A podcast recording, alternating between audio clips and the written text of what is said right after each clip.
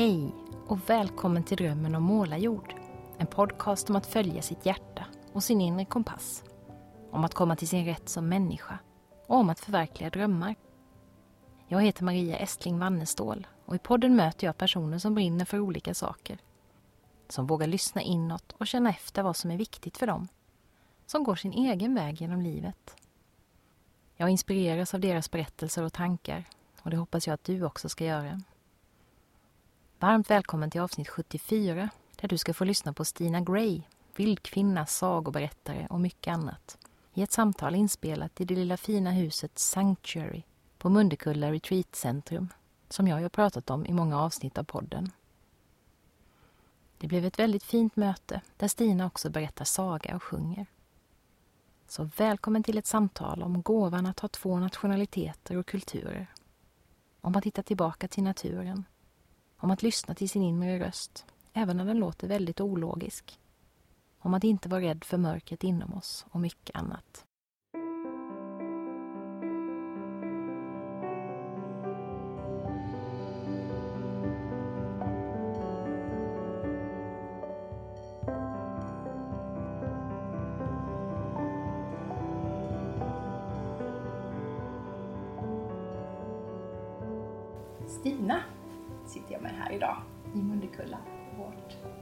Paradis på jorden kan man väl säga. Ja, Både för dig och mig tror jag. ja och för verkligen. många andra också. Mm. Och du är så mycket för mig. Du är vildkvinna och skogskvinna och sagoberätterska och svensk och nyzeeländsk. Och, ja, det finns så mycket hos dig och det finns så mycket jag är nyfiken på som jag skulle vilja prata med dig om. Men Jag tänkte börja fråga hur det känns just nu. För du har ju precis avslutat en stor kvinnofestival som du har varit en av Ja. arrangörerna, eller ja, hållit i saker. Hur känns det nu? Jag vet ju att man brukar vara väldigt trött efter någonting ja, sånt. jag är väldigt trött. Ja, det var väldigt intensivt Mm. eh, och starkt. Mm. Så jag är ja, helt uppfylld. Ja. Så verkligen, och det kommer ta tid att smälta Ja. allting. Men det, det var helt magiskt. Som det alltid blir när kvinnor samlas. ja. Mm. Vill du berätta någonting om hur festivalen varit upplagd? Eller hur har ni jobbat Ja, här? vi var närmare mm, 90 kvinnor tror jag att det var. Ehm, och så var även ehm, Camilla här som jag jobbar mycket med och sjunger och trummar med. Som också har blivit intervjuad i den här podden. Ja. så vi hade ehm, en bildkvinnoworkshop Mm. där vi ja, gjorde som ett litet smakprov på det vi brukar göra på våra bildkvinnokurser och helger. Mm. Um, berättade sagor, vi sjöng och trummade. Kände in bildkvinnan och ja, fick liksom ge alla ett litet smakprov på Mm. vad, vad det vilda är och hur man kan få kontakt med det och Ja. hedra det i sig själv och så. Ehm, sen har jag också haft sagostund på kvällarna, berättat mer sagor. Ehm, och så har det varit många andra som har lett workshops, jätteinspirerande kvinnor och vi har haft cirkeldanser och ja. Mm. Allt det där som, Allt det som där man som- gör i man gör. Ja, ja, ja. Jag känner ju igen det, för det var ju Ja. så, det var egentligen så allt det här som jag gör idag började också. Mm. Att jag var på en kvinnofestival 2009 där vi gjorde just sådana saker som du berättar om här. Cirklar och workshops och danser och musik. Och, ja, Mm. det var alldeles magiskt. Det förändrade mitt liv jättemycket när jag Mm. insåg att oj, här finns det sammanhang som jag skulle vilja vara mycket mer i. Mm. Det tror, jag många, det tror jag många känner när de kommer hit just, att det är en sån plats där man får, man, man får tag i det där inre. eh, Den där Mm. ja, vildkvinnan eller vad man nu vill kalla det. Men, Mm. men eh, någonting mer ursprungligt och Mm. eh, som inte har så mycket med allt det där runt omkring kanske, det yttre att göra, utan Mer det som finns inuti. Ja, nu den här gången när jag har varit här har jag verkligen liksom tänkt tillbaka på de åren när jag har varit här och Mm. bott här under vissa perioder och verkligen bara känt mig så tacksam jag Mm. kom hit. Först var jag 18 år Ja. när jag kom hit första Det var sommaren. första gången, ja just det. Hur hittade du, det har jag funderat på just, hur hittade du hit till Mundekulla? Ihåg det? Ehm, Ja, det är min, min mamma och Ann Solveig, eh, gamla vänner från Stockholm. Ja. Ehm, och mamma hade en butik i Stockholm som hette Lejonhjärta. Så de fick kontakt genom det. Och Ann hade någon slags konstutställning där eller Ah, någonting tror jag någon gång. Ehm, men ja, de var vänner i Mm. Stockholm. Och så ja, mamma kände till det här stället. Ehm, och när vi flyttade tillbaka till Sverige när jag var 16 år då kollade hon upp det här liksom, Mundekulla. Hon visste ju att Ann hade drömt om att ha en kursgård Mm. då när hon bodde i Stockholm.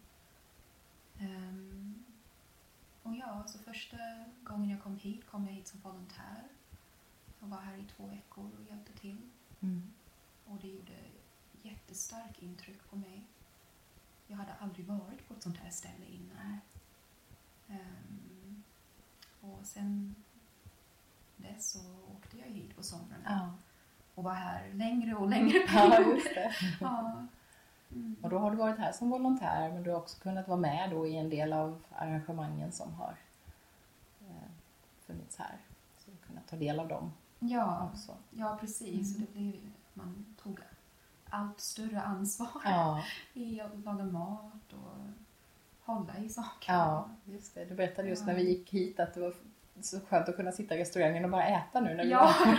Jag är lite ovan vid det. ja, Ja. jättelyxigt Ja. goda maten. Just det. Nej, men det tänkte jag när jag, för jag har ju också varit här som arrangör då, Mm. tre Circle Way-läger och nu var jag ju på mitt första Circle Way-läger förra sommaren uppe i Umeå med Kalle och Camilla just som du Mm. nämnde och den här känslan av att vara där och bara vara där och, och eh, som deltagare, Mm. det var jättehäftigt. Eh, För det är ju ändå så, som arrangör har man ju ändå en viss, ja, men det är en viss anspänning, man ska hålla i saker, man ska hålla koll på grejer och Mm. sådär. Så det, var, det var väldigt befriande också att komma bara som deltagare. Mm. Ja, så hur många gånger har du åt, vet du det? Du har liksom kommit varje år i princip tillbaka hit då, eller hur har det? Inte varje år. Nu senaste åren har jag inte varit här lika mycket. Men ehm, ja, jag kom hit först för åtta år sedan. Ehm, ja, oftast på somrarna, även Mm. ibland på vintern. Ja.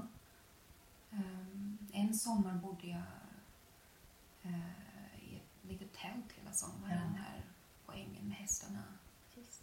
Och sen nästa sommar kom jag tillbaka med min egen sydda tipi Ja. som jag satte upp här. Det kommer jag Ja. ihåg, just det. Så bodde jag i den hela sommaren Ja. och bjöd in till sagokvällar. Ja. Och så hjälpte till i köket. Och, Mm. ja. Men nu senaste åren eh, har jag inte varit här lika mycket.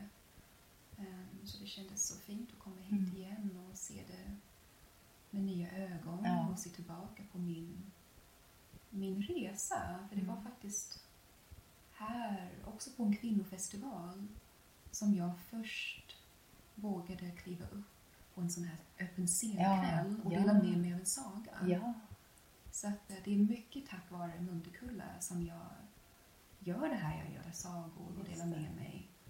Ehm, för det här är en sån fin plats där man kan våga dela Mm. med sig. Liksom. Människor är så snälla här. Och Ja. det, ja. Det sa ju min dotter första gången vi hade varit här, hon var väl åtta kanske eller något, och vi körde hem så sa hon Åh, jag vill inte åka hem, alla är så snälla här. Ja. Och det är ju det, det är, sån, det är väldigt svårt att beskriva den Mm. miljön för någon som inte har varit här Ja. tror jag. Men just det här, den här tryggheten, värmen, att man känner att det är okej att vara sig själv på något sätt. Det tycker jag att jag har känt väldigt starkt här ute. Ja, gud, komma ja. med det man har och det kan Ja. vara sorg och det kan vara glädje och det kan vara rädslor och det kan vara, men allt är liksom välkommet och det är inte farligt utan Mm. här, får man, här får det plats, tycker jag. På ett annat Ja. sätt än på många andra ställen kanske. Jo, men det var här jag hittade min tribe, Ja. som Story brukar Ja, prata om. ja just det. hittade till cirkeln. Och, ja, under hela tonåren hade jag alltid känt mig så utanför. Ja.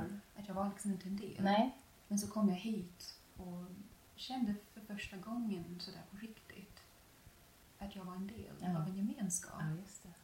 Så det var enormt viktigt för Ja. mig. Jag är så tacksam att jag hittade hit. Mm. Mm. Mm. Du, du är, har ju en dubbel bakgrund kan man ju säga. För du är ju både svensk och Mm. nyzeeländsk. Hur, hur kan du berätta om det? För det är, det är någonting som många inte har erfarenhet av. Det här att har någon slags dubbel nationalitet kultur. Och... Ja. ehm, Du växte jag- upp på Nya Zeeland. ja, alltså jag föddes i Stockholm. Mm. Ehm, sen när jag var fyra år gammal så flyttade mamma och jag till Nya Zeeland och hamnade mm, i en liten eh, stad vid, vid havet som heter Mount Maunganui Mm. som ligger i The Bay of Plenty-området. Så, och så växte jag upp där. Ehm, ja, och sen när jag var 16 så kom jag tillbaka till Sverige och fick lära mig svenska igen. Ja. Alltså, så jag har ju mest vuxit upp med engelska som mitt modersmål. Så, ehm, så det är ju därför jag har ja, lite märklig dialekt. Ja.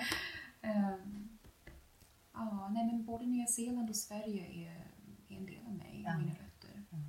Det känner jag. Ehm, så, speciellt nu. Jag var precis tillbaka på Nya Zeeland igen Mm. nu. Just det. Ehm, Och då hade du inte varit där sedan du flyttade Nej, därifrån? det var nästan tio år sedan Ja. jag var där. Så det kändes, nej, nu, nu är det verkligen dags, dags. ja. Jag har ju familj där som Ja, jag inte träffat på nästan tio år. Nej. Hur var det att komma tillbaka nu efter så lång tid? Ja, det var bara känslan av att komma hem. Mm. Liksom. Att se saker med nya ögon. Mm. För när man är barn och växer upp så man tar väldigt mycket för givet. Det gör man ju, verkligen. Men så nu kom jag tillbaka lite mer vuxen. Mm. Och jag är också uppfylld av allt jag varit med om här i Sverige Mm. under åren. Ehm, så det var så fint att komma tillbaka till de här platserna där jag växte upp. Och Mm. den naturen och den skogen och den, den miljön Ja. som ja, var min värld när jag växte det. upp. Och blev, så starkt påmind om att det kommer alltid vara en stor del av mig. Mm. Mm. Det är väldigt fint det där tycker jag, att kunna ha just två olika Ja, eh, ja, men platser i världen som, som, känns, mm. som kan kännas hemma båda två då, fast på olika sätt kanske. ja Mm. absolut. Som barn kunde jag ibland tycka det var jobbigt, alltså, Mm. för det är så långt bort. Ja, det är klart. Och jag kunde ibland känna liksom, att man inte var som alla andra. Mm. Lite så. Mm. Ehm, också när vi först flyttade till Nya Zeeland så kunde inte jag engelska. Nej. Så jag blev lite Det alltid en mobbad i skolan Ja, ja, och så. Och man, ja, man vill ju bara vara som alla andra. Ja. Men nej, nu känner jag mig bara så, så rik. Ja. Liksom, att jag har de här både länderna och Ja, kulturerna inom mig. Och, Är det stora skillnader tycker du mellan Sverige och Nya Zeeland?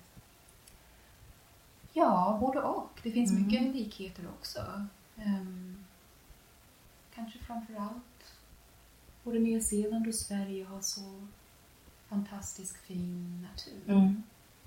Eh, och det älskar jag. Ja, Och att det är på väldigt olika sätt. just det. Um, så, men väldigt, väldigt grönt Mm. och mycket skog som jag älskar. Ja, just det. Vatten och... Ja. Eh, Men ändå lite annorlunda sådär. Ehm, Folk är nog mycket mer avslappnade. Och, alltså, nästan hela min barndom känns det som att jag har gått barfota. Mm. Det är så där, verkligen. Ja. Speciellt där, vi bodde, Ja. liksom vid havet. Det är väldigt varmt. Och, Just det. ja, behaglig klimat. Mm. Men jag tycker egentligen mer om klimatet i Sverige. Ehm, Det passar mig. Jag älskar höst och vinter. Mm. De här årstidsväxlingarna också. ja. Ja. Mm. Nej, jag var aldrig så förtjust i sommaren där. Ehm, Utan åker hellre dit när det är Ja. höst och vinter. Det. Ja. Vad betyder naturen för dig? Därför jag har ju förstått att den är otroligt central i ditt liv. Vad är det, du, vad är det du hämtar där? Ja, alltså det betyder allt. Mm. Det betyder allt. Ehm, Jag har alltid tyckt mest om att vara ute. Ja, det var så Ja. när du var liten också? Du, Ja. ja. Ja, jag var alltid ute och klättrade mycket i träden och ehm, badade mycket i havet också Mm. när vi bodde vid, stränd, vid stranden. Mm. Ehm, jag har alltid känt mig så hemma Ja. i naturen. Ja, där kan man bara vara som man är och den, den ger mig så mycket. Mm. Så mycket kärlek och eh, råd och, och så mina sagor och sånger Mm. kommer ju De därifrån. hämtas också där. Ehm, så det, man lyssnar Mm. till naturen så kan den ge så mycket. Allt vi behöver finns där Mm. Och det, vi är en del av det. Mm. Mm. Det. Och det är väl det som kanske många har, man har tappat den kontakten helt enkelt. Att man Ja. känner sig inte som en del av naturen. Jag tänker att det ofta är det som är liksom grunden till att vi inte heller tar hand om den för att vi, vi inte känner oss som en del av den. Den är någonting där borta och här är vi. Mm. Och då blir det mycket svårare att känna den där relationen som gör att man vill bevara och ta hand om och vara rädd Ja. om och, Ja, och sådär också. Ja, absolut. Många har ju glömt att vi är en del Mm. av naturen. Men ehm, jag ser också en längtan hos många Mm. att hitta tillbaks till det. Och det ser jag också när man berättar sagor. För sagorna är så fylld av naturens Ja, magi. Just det. Ehm, och jag träffar så många, framförallt vuxna, som saknar det. Som saknar det här när man sitter runt elden och Mm. berättar. Ehm, så vi har tappat bort det Mm. en hel del idag. Som är så ursprungligt Mm. egentligen. Ja. Ja. Men det finns en längtan hos många, Mm. verkligen. Och jag tror att vi är på väg tillbaka till Mm. naturen. Det känns så som att det är någon slags motkraft ja, mot ja. allt. All annan utveckling så finns det också en... Ja, och jag träffar så många människor som, ehm, ja, som börjar hitta andra Mm. sätt att leva. Mm. Så nej, jag har verkligen stor hopp. Mm. Jag tror att vi kan hitta tillbaka, men det, det är upp till oss Ja, att göra det. det. Ja, men det är det ju. Ja, Absolut. Men du är ju, du är ju bra på att inspirera till att hitta tillbaks, tänker jag, med, med det du gör med dina sagor, dina vackra bilder och workshops och allt det här som, som du är med och, och leder. Ja. Det kan ju behövas ibland lite, lite pushning på vägen kanske. Det är inte alltid så lätt att hitta tillbaks nej, helt på egen hand. Tänker jag. nej, det är en behöva. resa. Det är en resa. Mm. Det kan ta lång tid. Ja. Mm. Hur hittade du till sagorna? Fanns de tidigt i ditt liv? Eller hur? Ja, jag har alltid älskat sagor. Verkligen. Och som barn så sprang jag runt i skogarna och letade efter älvorna. Ja. nej, det har alltid varit en del liksom, av mig. Ehm, men ja, det var, det var här på Mundekulla som jag först vågade ta det steget. Mm. Att, att berätta. Att berätta för någon annan? Ja. Ehm, sagor har alltid kommit till mig genom drömmarna. Mm. Jag drömmer mycket i sagor. Ehm, men sen ett år så bodde jag mycket i skogen här i Småland Mm. faktiskt. Eh, Under hela vintern bodde jag där och var ute och gick hela dagarna i skogen. Och det var då de här sagorna först också började komma genom att jag lyssnade till skogen. Mm. Och först blev jag så förvånad. Jag, liksom, jag stod där och det var alldeles stilla. Och så plötsligt hörde jag There was a time long ago when woman could be seen in the woods. Och så vände jag mig om och visste inte riktigt var det kom ifrån det här. Liksom, vad är det? Och så, så fortsatte jag att lyssna och det var liksom bara som att ställa in mig på någon radiokanal Ja, eller just någonting. Och så Så fortsätta den här sagan och så sprang jag hem och liksom skrev ner den här Ja. sagan. Och det var sagan om skogskvinnorna. Ja. Ehm, och den ja, har varit en del av min resa sedan Ja, dess. Liksom. ja. Ja. Så, och sen dess har det bara fortsatt. Ja. Att det, det kommer mycket sagor och sånger. Ehm, det är i naturen. Ehm, så. Mm. Och så använder du dem då också i sådana här sammanhang Ja. som festivaler och workshops? Och...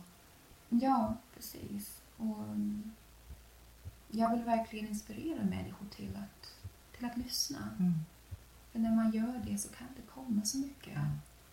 För vissa kanske det är sånger eller sagor men det kan också vara andra saker. Ja, Bilder eller budskap. Eller, just det. ja, Det är det där att och, och våga lyssna och våga tro på att ja, men jag är inte knäpp utan det är, finns faktiskt någonting här att, att hämta upp. ja, Ja. precis. Jag känner ju igen det från när jag fick eh, titeln till min boken som jag precis har skrivit färdigt nu. Det var en sån grej som bara, den bara kom. Det var inte ute i naturen utan det var när jag höll på att somna. bara kom en Mm. titel som var jättekonstig som jag inte alls hade kunnat hitta på själv. Men det är så häftigt när man får vara med om sådana saker. Ja, Det bara, det bara finns liksom. Det är bara egentligen som du sa, ställa in raden och, och samla in det.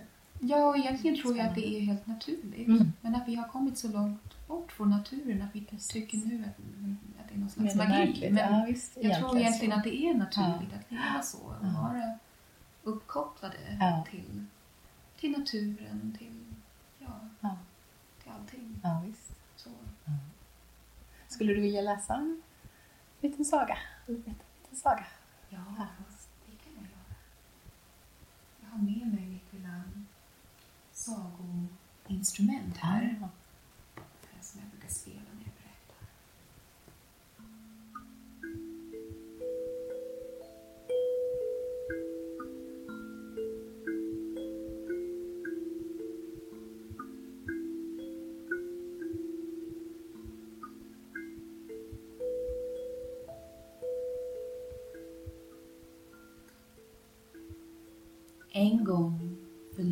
Sen var jag ute och gick i skogen en solig vinterdag. Skogen låg täckt under en vit mantel av snö och där fanns många spår av djur att se. Men också spåren av någonting annat som jag aldrig sett tidigare. Spåren av människor som om någon hade gått helt barfota i skogen. Jag följde efter spåren och de ledde mig djupt in i skogen till en liten hydda täckt av snö. Och där hörde jag en kvinnoröst som sjöng.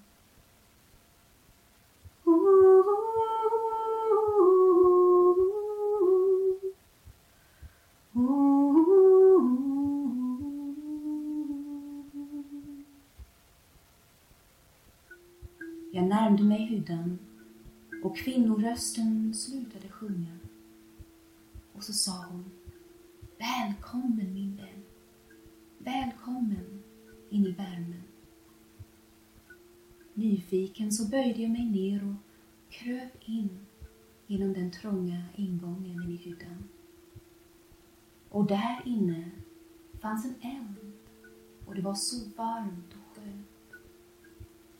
Och på andra sidan elden satt en kvinna som var inte lik någon annan kvinna jag sett tidigare. Hennes långa tjocka hår var fylld av spindelnät, fågelägg och krypande ting. Hennes ögon var både ljusa och mörka på samma gång, som glödande kol. Hon var klädd i flera lager av skinn och päls. Och hennes bara fötter såg ut som om de var gjorda av gammal bark. Hon var en skogskvinna. Och hon berättade för mig om en tid för länge, länge sedan då många kvinnor levde i skogen.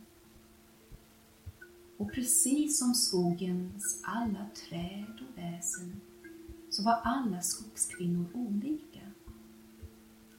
De kunde vara både stora och små, mörka som natten, ljusa som månen. Men trots alla deras olikheter fanns det också någonting som man kunde vara säker på när det gällde skogskvinnorna. Och det var att alla skogskvinnor hade ett hjärta av guld innerst inne.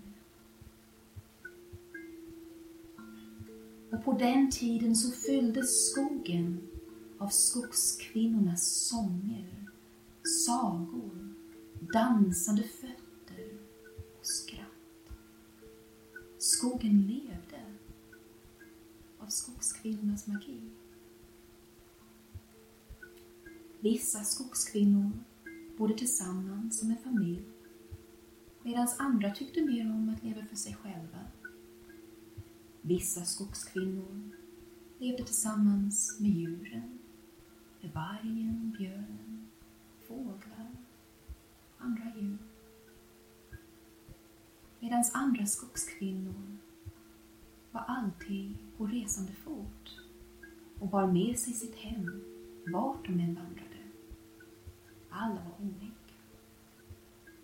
Och alla var mycket begåvade. Skogskvinnorna visste mycket om skogen och alla de läkande växterna som fanns där. De visste mycket om djuren, om stjärnorna, om årstidernas gång, om solen och månen och allt det som var viktigt att veta om. Och stadsborna, de brukade ofta ge sig ut i skogen för att söka efter skogskvinnornas tjänster. Och alla var välkomna i skogen. Och stadsborna brukade ofta ha med sig barnen. Och i skogen fick barnen leka, springa, vara vilda och fria. Och de lärde sig mycket av skogskvinnorna. De fick lära sig att lyssna till vindens viskande sånger, att känna skogens magi. Och det sägs att stadskvinnorna var också vilda en gång. För länge, länge sedan. Och om man tittade noga i deras ögon när de skrattade högt eller gjorde sånt som de inte fick då kunde man ana något av deras vilda rötter. Och det sägs att de brukade smyga ut i skogen under fullmånens tid, där de samlades med sina skogssystrar i en stor ring av dansande, skrattande, ylande kvinnor. Och de sjöng, de sjöng den sången som alla innerst inne längtar efter att. Men vad hände med skogskvinnorna? Var är de nu? Ja, det är ingen som riktigt vet hela sanningen om varför skogskvinnorna försvann. Vissa säger att det var inte de som försvann, utan stadsborna som blev som blinda och döva till skogens magi. Vissa säger att skogskvinnorna brukade stå utanför skogen där de kunde se ut över åkrar, byar och städer. Och de sjöng en sång som gjorde att hela himlen täcktes med mörka moln. Och det regnade och åskade som det aldrig hade gjort förut. Och stadsborna kände en sorg de inte kunde förklara. Och barnen grät utan att veta varför. Och skogskvinnornas tårar föll ner på jorden. Där den stora modern tog varsamt emot dem. Och det sägs, om man är i skogen och lyssnar väldigt noga kan man fortfarande höra skogskvinnornas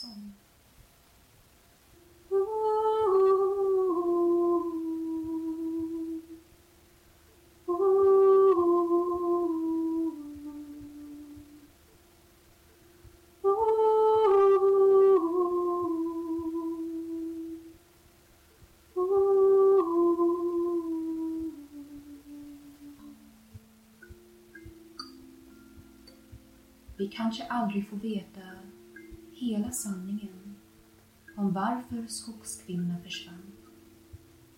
Men det som vi vet är att skogskvinnorna är på väg tillbaka. Jag har träffat dem själv i skogen och hört berättelser från över hela jorden om skogskvinnornas återkomst. Och vi har tur att de kommer tillbaka nu när vi behöver dem som allra mest. Och vi kan hjälpa dem att komma tillbaka genom att minnas våra egna rötter i skogen, i jorden. Vi kan hjälpa dem genom att minnas den sången som vi sjöng tillsammans med skogskvinnorna en gång för länge, länge sedan. Finns en urgammal stig i skogen som vi alla vet innerst inne, men många har glömt. Minns du den stigen?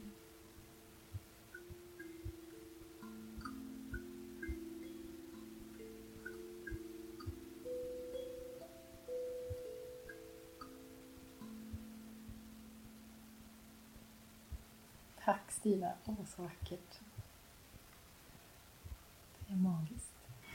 Jag skulle önska att alla som lyssnar nu bara kunde känna på luften här inne för den är så, att den är Mm. helt fylld liksom av dina ord och dina toner. Mm. Tack snälla.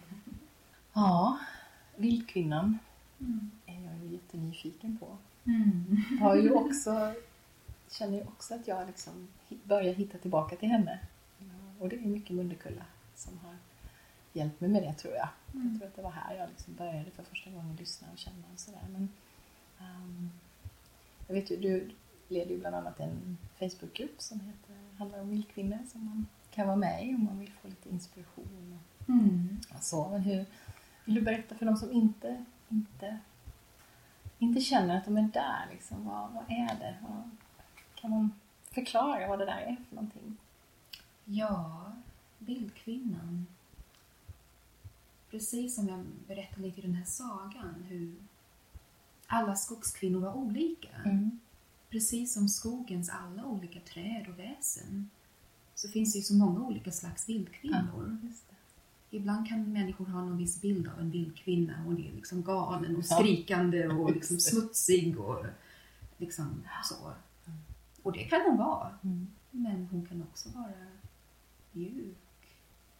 Hon kan också, precis som naturen själv, precis som alla årstiderna, så har hon så många olika uttryck. Mm. Och det finns inom oss, inom det. alla kvinnor och män. Liksom våra vilda rötter och vår kontakt med naturen.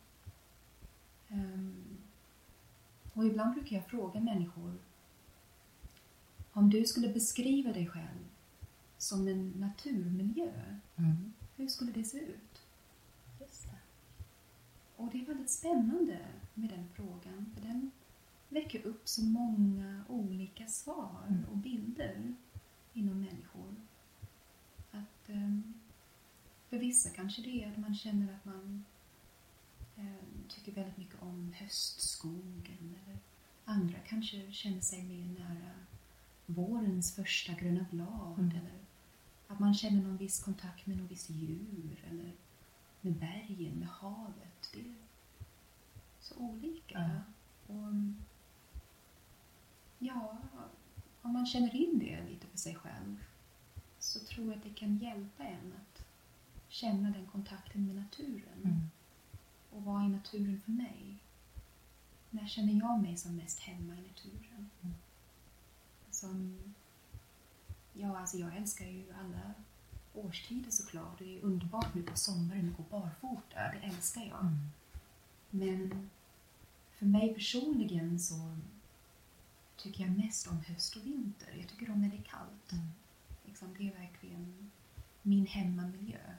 Så om jag får verkligen känna in för mig. Mm. Sen kan jag ändå njuta liksom, av våren och sommaren och så. Ehm, ja. Mm. Men det handlar ju om det där just att, att känna efter vad, vad är det jag, att inte Ja. lyssna på vad är det jag borde tänka eller känna. För det tror jag man ibland man har kanske föreställningar om ja, hur man ska vara eller hur man ska förhålla sig till naturen eller så. Det, det finns väldigt mycket tankar och idéer om hur saker och ting ska vara. Och det tror jag också att vi har glömt Mm. att lyssna på vad vi själva behöver eller känner att vi mår bra av eller blir stärkta av. Eller Mm. Hitta de där, ja, men jag brukar prata om kraftkällor till exempel. Där Mm. att, att naturen kan vara en sån och det kan ju finnas andra um, kraftkällor också. Det, det ser ju också olika ut och det tycker jag är så fint i den här sagan och i det du berättar just att det inte finns en, det finns inte ett rätt svar på saker och ting utan det kan se så väldigt olika ut. Och Mm. skogskvinnorna ser olika ut och de är små och stora och, men de har det här hjärtat av guld alla. Det finns någonting gott Mm. inom alla. Mm. Det är väldigt vackert. En vacker tanke. Mm. så det är. Mm. Att vi egentligen bara behöver lyssna och, och vara öppna på något sätt för att kunna hitta tillbaka till det Mm. ursprungliga. Ja, och liksom, det handlar ju mycket om att hitta tillbaka till att också ge tillbaka till naturen. Precis. Att det handlar inte bara om att ta, utan att ge tillbaka. Och det kan vi göra på många olika sätt genom ja, att leva mer eh, i harmoni med naturen. Kanske tänka lite på det man köper eller Mm. så. Men det handlar också någonting om ens närvaro, känner jag mycket också. Att vi ger så otroligt mycket till naturen också när vi bara är i naturen. Mm. Utan att springa förbi den eller göra någonting. Utan, Bara vara Är. där. Ja. och lyssnar. För naturen lyssnar också på oss. Mm. Och när vi ger den vår närvaro, eller våra sånger, våra gåvor, så lyssnar den. Mm. Och den längtar så efter att vi ska komma tillbaka till den. Du skrev ett, ett blogginlägg för några år sedan som jag läste som hette The Wild Woman and the Hobbit. Ja, just det. Kommer du ihåg det? Det tyckte jag var roligt för du beskrev, du beskrev ju lite av det här med att, att olikheterna men också att de olikheterna kan finnas inom oss själva. Mm. Att vi kan ha... Jag gjorde en poddintervju med Patrik Appelqvist för ett tag sedan och där pratade vi mycket om kontraster Mm. och att det kan vara så fint det här liksom Mm. att man inte måste vara man måste inte vara på ett visst sätt, man måste Mm. inte facka in sig utan man kan ha flera olika Mm. personligheter kanske eller ja, Mm. intressen som är väldigt långt ifrån varandra för det yttre ögat men som man själv känner att ja, men, det är så jag vill ha det, jag, jag behöver båda de här. Mm. Och hur, hur var det här för dig här, när du skrev det inlägget? Vad kom det ur? Ja, men det var som att jag plötsligt insåg att de här två delarna, um, The Hobbit och Vildkvinnan, är lite som två kontraster inom mig. Att liksom Vildkvinnan är ännu mer den här ah, den där fria, vilda delen av mig som älskar att resa. Liksom älskar det här. Alltså jag har levt mycket normalt liv Ja. och liksom är alltid på väg någonstans. Och, som nu har jag levt i min ryggsäck sen i februari. Ja. Liksom, och Vildkvinnan älskar det. ja. Och hon älskar det här när man Ja, när man inte vet riktigt vad som kommer och det. får hända spontant. Ehm, och så. Medan min inre hobbit, den är mer att den vill gärna veta lite grann. Liksom. Mm. Den är mer att den vill ha lite mer koll och vill känna sig hemma, ja, rotad. Boa in sig sådär. Liksom, som trots att jag är mycket av en nomad så är hemmet ändå viktigt för mig. Eh, absolut. Och ja, så nu när jag håller på reser runt nu ganska länge så kan jag verkligen längta nu efter till hösten ska jag flytta tillbaka till Järna Mm. där jag har haft lite som bas under åren. Och det är lite så jag gör varje höst och vinter, att jag går in mig någonstans Mm. igen. Lite Ja, som en björn som går in Går iden in någonstans. där, ja. Åh, jag kan längta efter det nu. Mm. Min hobbit längtar efter Ja. det där. Men, Och den behöver också tillgodoses. Ja. Just det här att ja, men det finns olika sidor och de ja. behöver få. Och kanske Mm. olika faser i livet. Och... ja, absolut. Mm. Ja, men även när jag är på resande fot försöker jag liksom ta hand om den delen Ja. av mig. Liksom att jag har alltid med mig en liten påse med några sådana här saker som får bli som ett litet resande altare Ja, som gör att jag kan liksom känna mig lite hemma, vart jag än är. Så man får hitta sina sätt. Ja. Så. Ja. Det, det är spännande tycker jag, det här med våra olika olikheterna inom oss och mellan oss. Det är jätteintressant.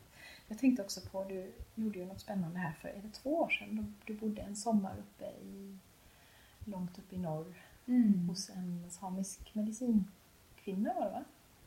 Ja, Ja, ja, Laila Spik Laila Spik. heter hon. Ja. Hur kom detta sig? Hur hamnade du där?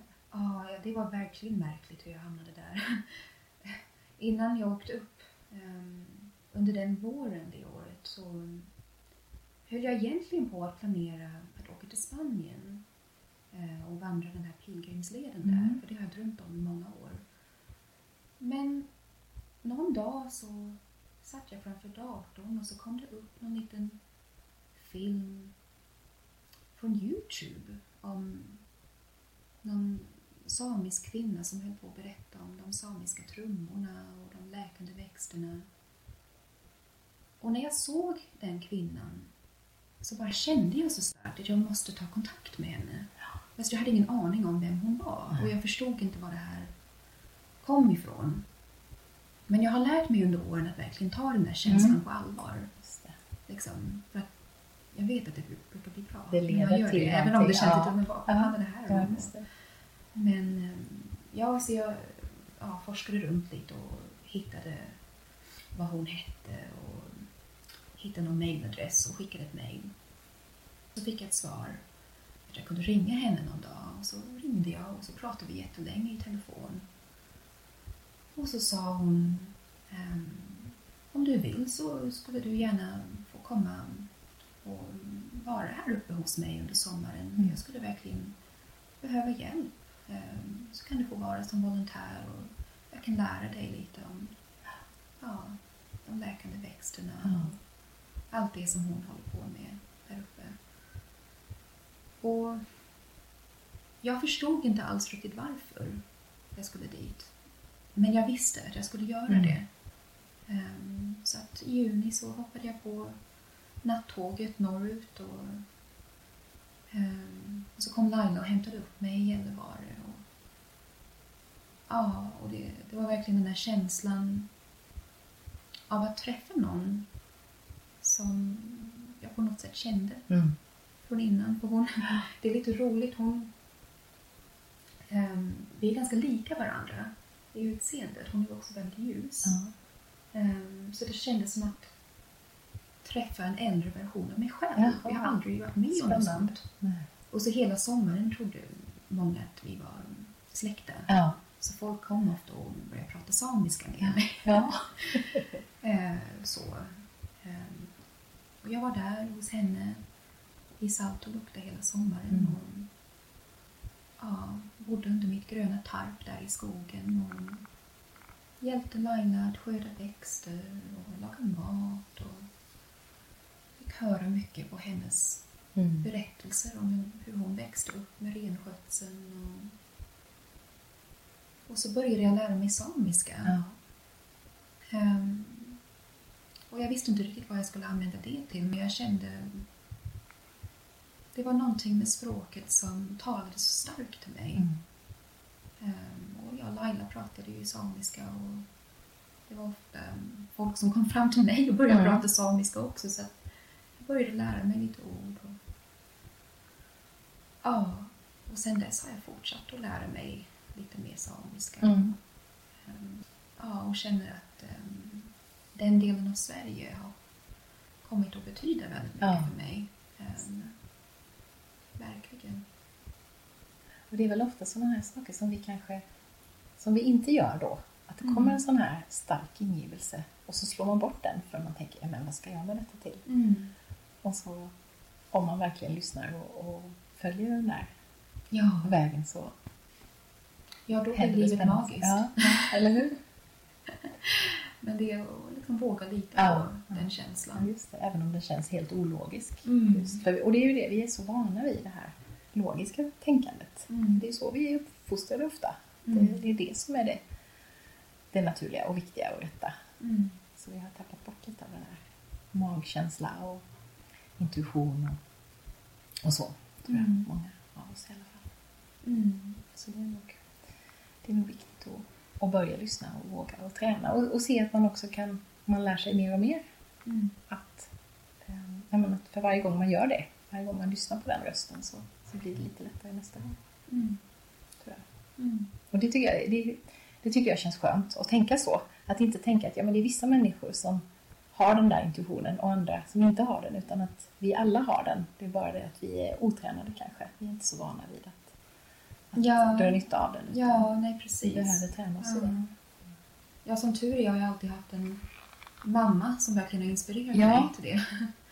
Så det är mycket tack vare henne Ja. att jag ja, verkligen lärde mig att ta det på allvar Ja. och Ja, fint. lyssna till hjärtat. Ja. Och även när man inte alls förstår Nej. varför. Nej, för det är just det, just att det, det kan verka så ologiskt. Ja. Vad, vad, vad ska jag göra det här för nu då? Det var ju som när den här titeln kom till mig. Mm. Jag skulle somna. Vad är det här för något konstigt? Vad ska jag med den till? Och sen började jag spåna kring den och sen plötsligt så nu finns den här som en, en roman. Och nu var den så självklar i efterhand. Men då när det kom var det helt ologiskt. Ja, ja, även sen när jag, jag fortsatte sen att läsa lite nordsamiska på universitetet. Det Ja. var också så här många gånger, vad skulle jag ha det till? Ja. Så här, men, jo, jag känner att det, det är viktigt för En mig. pusselbit. Och det har också varit en del av att förstå ännu djupare den här kontakten med, med Mm. naturen. Och det. det samiska språket är så underbart på det sättet. Ja. Att den har så mycket mer nyanser Ja, och beskrivningar av naturen. Och jag, jag tyckte det var så fascinerande Mm. att, att titta på det. Mm. Jag läste på din blogg också om... Eh, eh, du skrev ett inlägg ganska nyligen om eh, din tonårstid när du inte mådde så bra. Och du, skrev så fina saker i det, tyckte jag. Jag Mm. lyfte fram några grejer här du skrev som Don't be afraid of the dark. Det Mm. tycker jag är ett, ett sånt viktigt citat det här att, att inte vara så rädd för det där mörka också Mm. inom oss. För det är ju också en del av oss. Mm. Mer kanske hos vissa än hos andra men Mm. men att våga, just det här att våga möta alla våra känslor och upplevelser och, och um, även det tunga. Vad har du lärt dig av, av ditt möte med ja, att våga möta dina mörka sidor? Tunga. Åh, otroligt mycket. Ja. Jag hade inte varit där, där jag är idag Nej. utan den resan. Eh, Jag hela tonåren var mm, väldigt svår. Då när jag fortfarande bodde på Nya Zeeland. Mm. Ehm, Jag var runt 14 så blev jag väldigt svårt deprimerad. Mm. Jag ville inte leva längre. Ehm, Ja, så att ja, det där jag skrev på min blogg Mm. handlade lite grann om min tid på sjukhuset i Auckland, ehm, på psyket där. Ehm, Och ehm, alltså, det är, ju, det är ju verkligen ett mirakel att jag lever Mm. idag och jag är otroligt tacksam Mm. att jag klarade den resan. Och det var mycket tack vare um, min mamma Mm. som alltid Hon har fanns på min varit en sida. väldigt stark Ja, person. ja, nej, utan henne hade jag aldrig klarat det. Hon fanns alltid där Ja. och liksom kämpade för mig. Och just det där, och jag tror det är så viktigt om man känner någon som är väldigt psykiskt sjuk eller deprimerad. Att ha förmågan att se bakom det Mm. till den som de är innerst inne. Även de, de, de kan ju inte själva se det eller känna det längre. Nej. Men om du kan se det själv hos dem så hjälper det så otroligt Mm. mycket. Ehm, och som tur är, alltså vi, vi var ju helt inlåsta. Ja. Vi fick inte gå ut. Ehm, men mamma stod verkligen på sig och ja, fick ibland lov då att ta, ta ut mig till en park i närheten. Och där fanns sådana gigantiska träd. Och det var framförallt ett träd som har sådana jättestora rötter. Just det. Um, jättegammalt träd. Eh, och där brukade jag ofta liksom sä- sätta mig uppe på rötterna Mm. när, jag var, när jag var som mest sjuk. Och det var så läkande för Ja. mig. Liksom, det var min räddning Ja. under den tiden. Och mm, jag är så glad att nu när jag var tillbaka på Nya Zeeland fick jag gå tillbaka till Ja. det här trädet och sätta mig där uppe på rötterna och bara känna oj vilken resa. Liksom, liksom när jag satt där uppe sist eh, som 14-åring. Det var, ja, jag var som död Mm, nästan mm. innerst inne. Det var knappt att jag levde Nej. längre. Jag var så nere i, i mörkret. Mm. Ehm, och så svag. Liksom, jag, jag hade svårt att gå. Mm. Liksom. Man, Mm. När man är väldigt psykiskt sjuk, det påverkar så mycket hela kroppen. Det gör det, ja visst. Ehm, att man, man blir som Mm. döende nästan Mm. på något vis. Ehm, och så nu när jag satt där igen så bara kände jag Ja. mig så, så rotad Ja. i mig själv. Ja. Och mm, så i kontakt med mina rötter både på Nya Zeeland och Sverige. Mm. Och så stark. Och jag bara kände, men gud, vilken resa. Det, ja, men ibland är det de svåraste prövningarna som ger de största gåvorna. Mm. Så är det. Även om man inte känner det när man är mitt uppe i det så, Ja. så kan man ju ofta se det. Du skrev så fint tycker jag. Du skrev Like a tree the journey will give you roots that go deep in the earth and branches that stretch high in the sky. Mm. Det är så vackert. skrivet. Ja, Sammanfattar det. ja nej, men det är verkligen så att, tror jag, att för att verkligen bli hela Mm. Så måste vi omfamna både det mörka och Mm. ljusa inom oss Ja. själva. Och inte vara rädda för Nej. mörkret. Ja, just det. Så. För det är ju ofta det vi är. Vi, vi vill mota bort det hela tiden. Vi vill inte Jo, se det. ja, vi vill inte prata om det. Vi vill kanske inte ja. erkänna ens för Ja. själva. Och framförallt inte för andra kanske. Och jag tror det är därför många är så psykiskt Ja, sjuka ja. idag också. precis. Ehm, Man stänger ju in det Ja, inom sig istället. Ja. Mm. det är så fint att kunna sitta här med dig nu och, och se dig blomstra. Och ha Mm. just att, eh, för så är det ju för många, att man har gått igenom väldigt tuffa perioder men man har tagit sig igenom dem och då blir man, tror jag, också mer tacksam för livet sen kanske efteråt när man har tagit sig igenom någonting sånt. För det är inte självklart, man, man inser att det, det finns så mycket att vara tacksam för. Ja, apropå träd så tänkte jag också på det när jag var uppe hos Laila den sommaren. Mm. Och vi gick där. Och hon pratade om träden där, de gamla tallarna som finns i de skogarna. De är väldigt speciella. Mm. Och de är alldeles liksom, krokiga och vissa av grenarna liksom vänder sig runt som spiraler. Ja. Och de är alldeles blixtnedslagna och ja, väldigt speciella. Och så sa hon det, att de här träden måste verkligen klara av starka stormar. Ja. Det kan vara ganska häftigt väder liksom uppe i fjällen med starka vindar och så. Men de är urstarka. Mm. Och det kan man verkligen känna när man sitter i de träden. De är. De är så ja, starka. Ja, Och så känner jag, det är jag också. Mm. Jag är lite, också lite blixtnedslagen Ja. och lite så ärrad och Det här sådär. och där. Men jag är stark. Ja, så. ja, det finns en stark, stark det, man blir ju det när man går Absolut. igenom den resan i mörker och storm och allt vad livet utsätter en för. Ja, verkligen. Ja. Ja, hur ser framtiden ut nu för dig? Då? Du sa att du ska flytta tillbaka till Järna. Jag vet att Mm. du har pluggat eh, en del på universitetet. Och vad, vad tänker du med den närmaste tiden framöver här nu? Ja, nej, nu har jag min sista termin ehm, på universitetet kvar. Ehm, så jag, jag läser etnologi. Ehm, så jag blir klar med det i januari. Mm.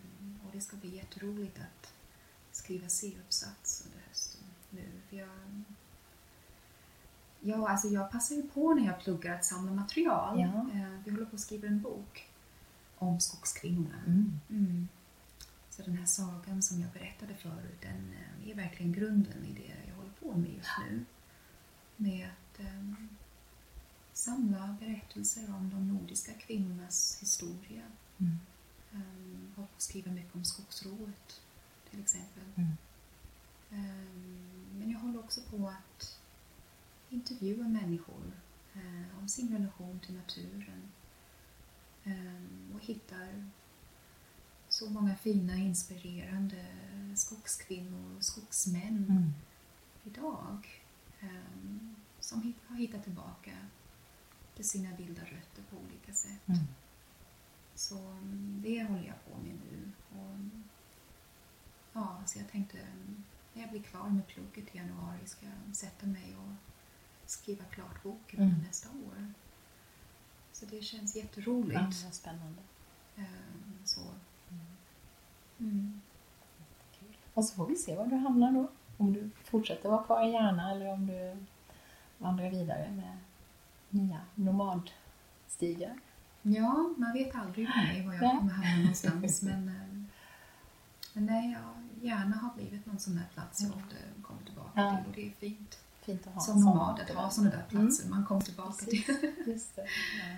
Och sen, eh, ja alltså Camilla, Mm. Camilla Måne och jag, vi fortsätter att samskapa. Mm, just så.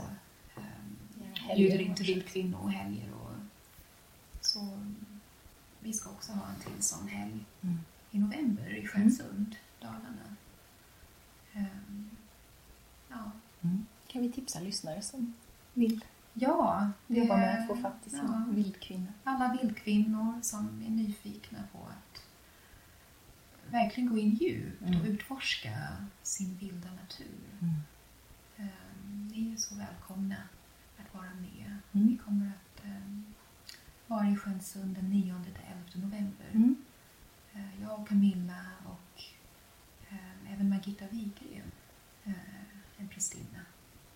Så vi är tre kvinnor i olika generationer och Mm. med olika gåvor som samskapar. Jag lägger en länk här också till det så man kan hitta det. Ja, det blir så fint när vi gör de här helgerna att verkligen ta del av många olika kvinnors gåvor Mm. och samskapa. Just det. Jag älskar det. Tack snälla Stina för att jag fick komma hit fast du var så trött efter festivalen och ändå bjudit på så många kloka tankar och den fina sagan. Mm. Och lycka till nu. Jag ser väldigt mycket fram emot att läsa den boken när den kommer. Det ska bli jättespännande. Mm. Men tack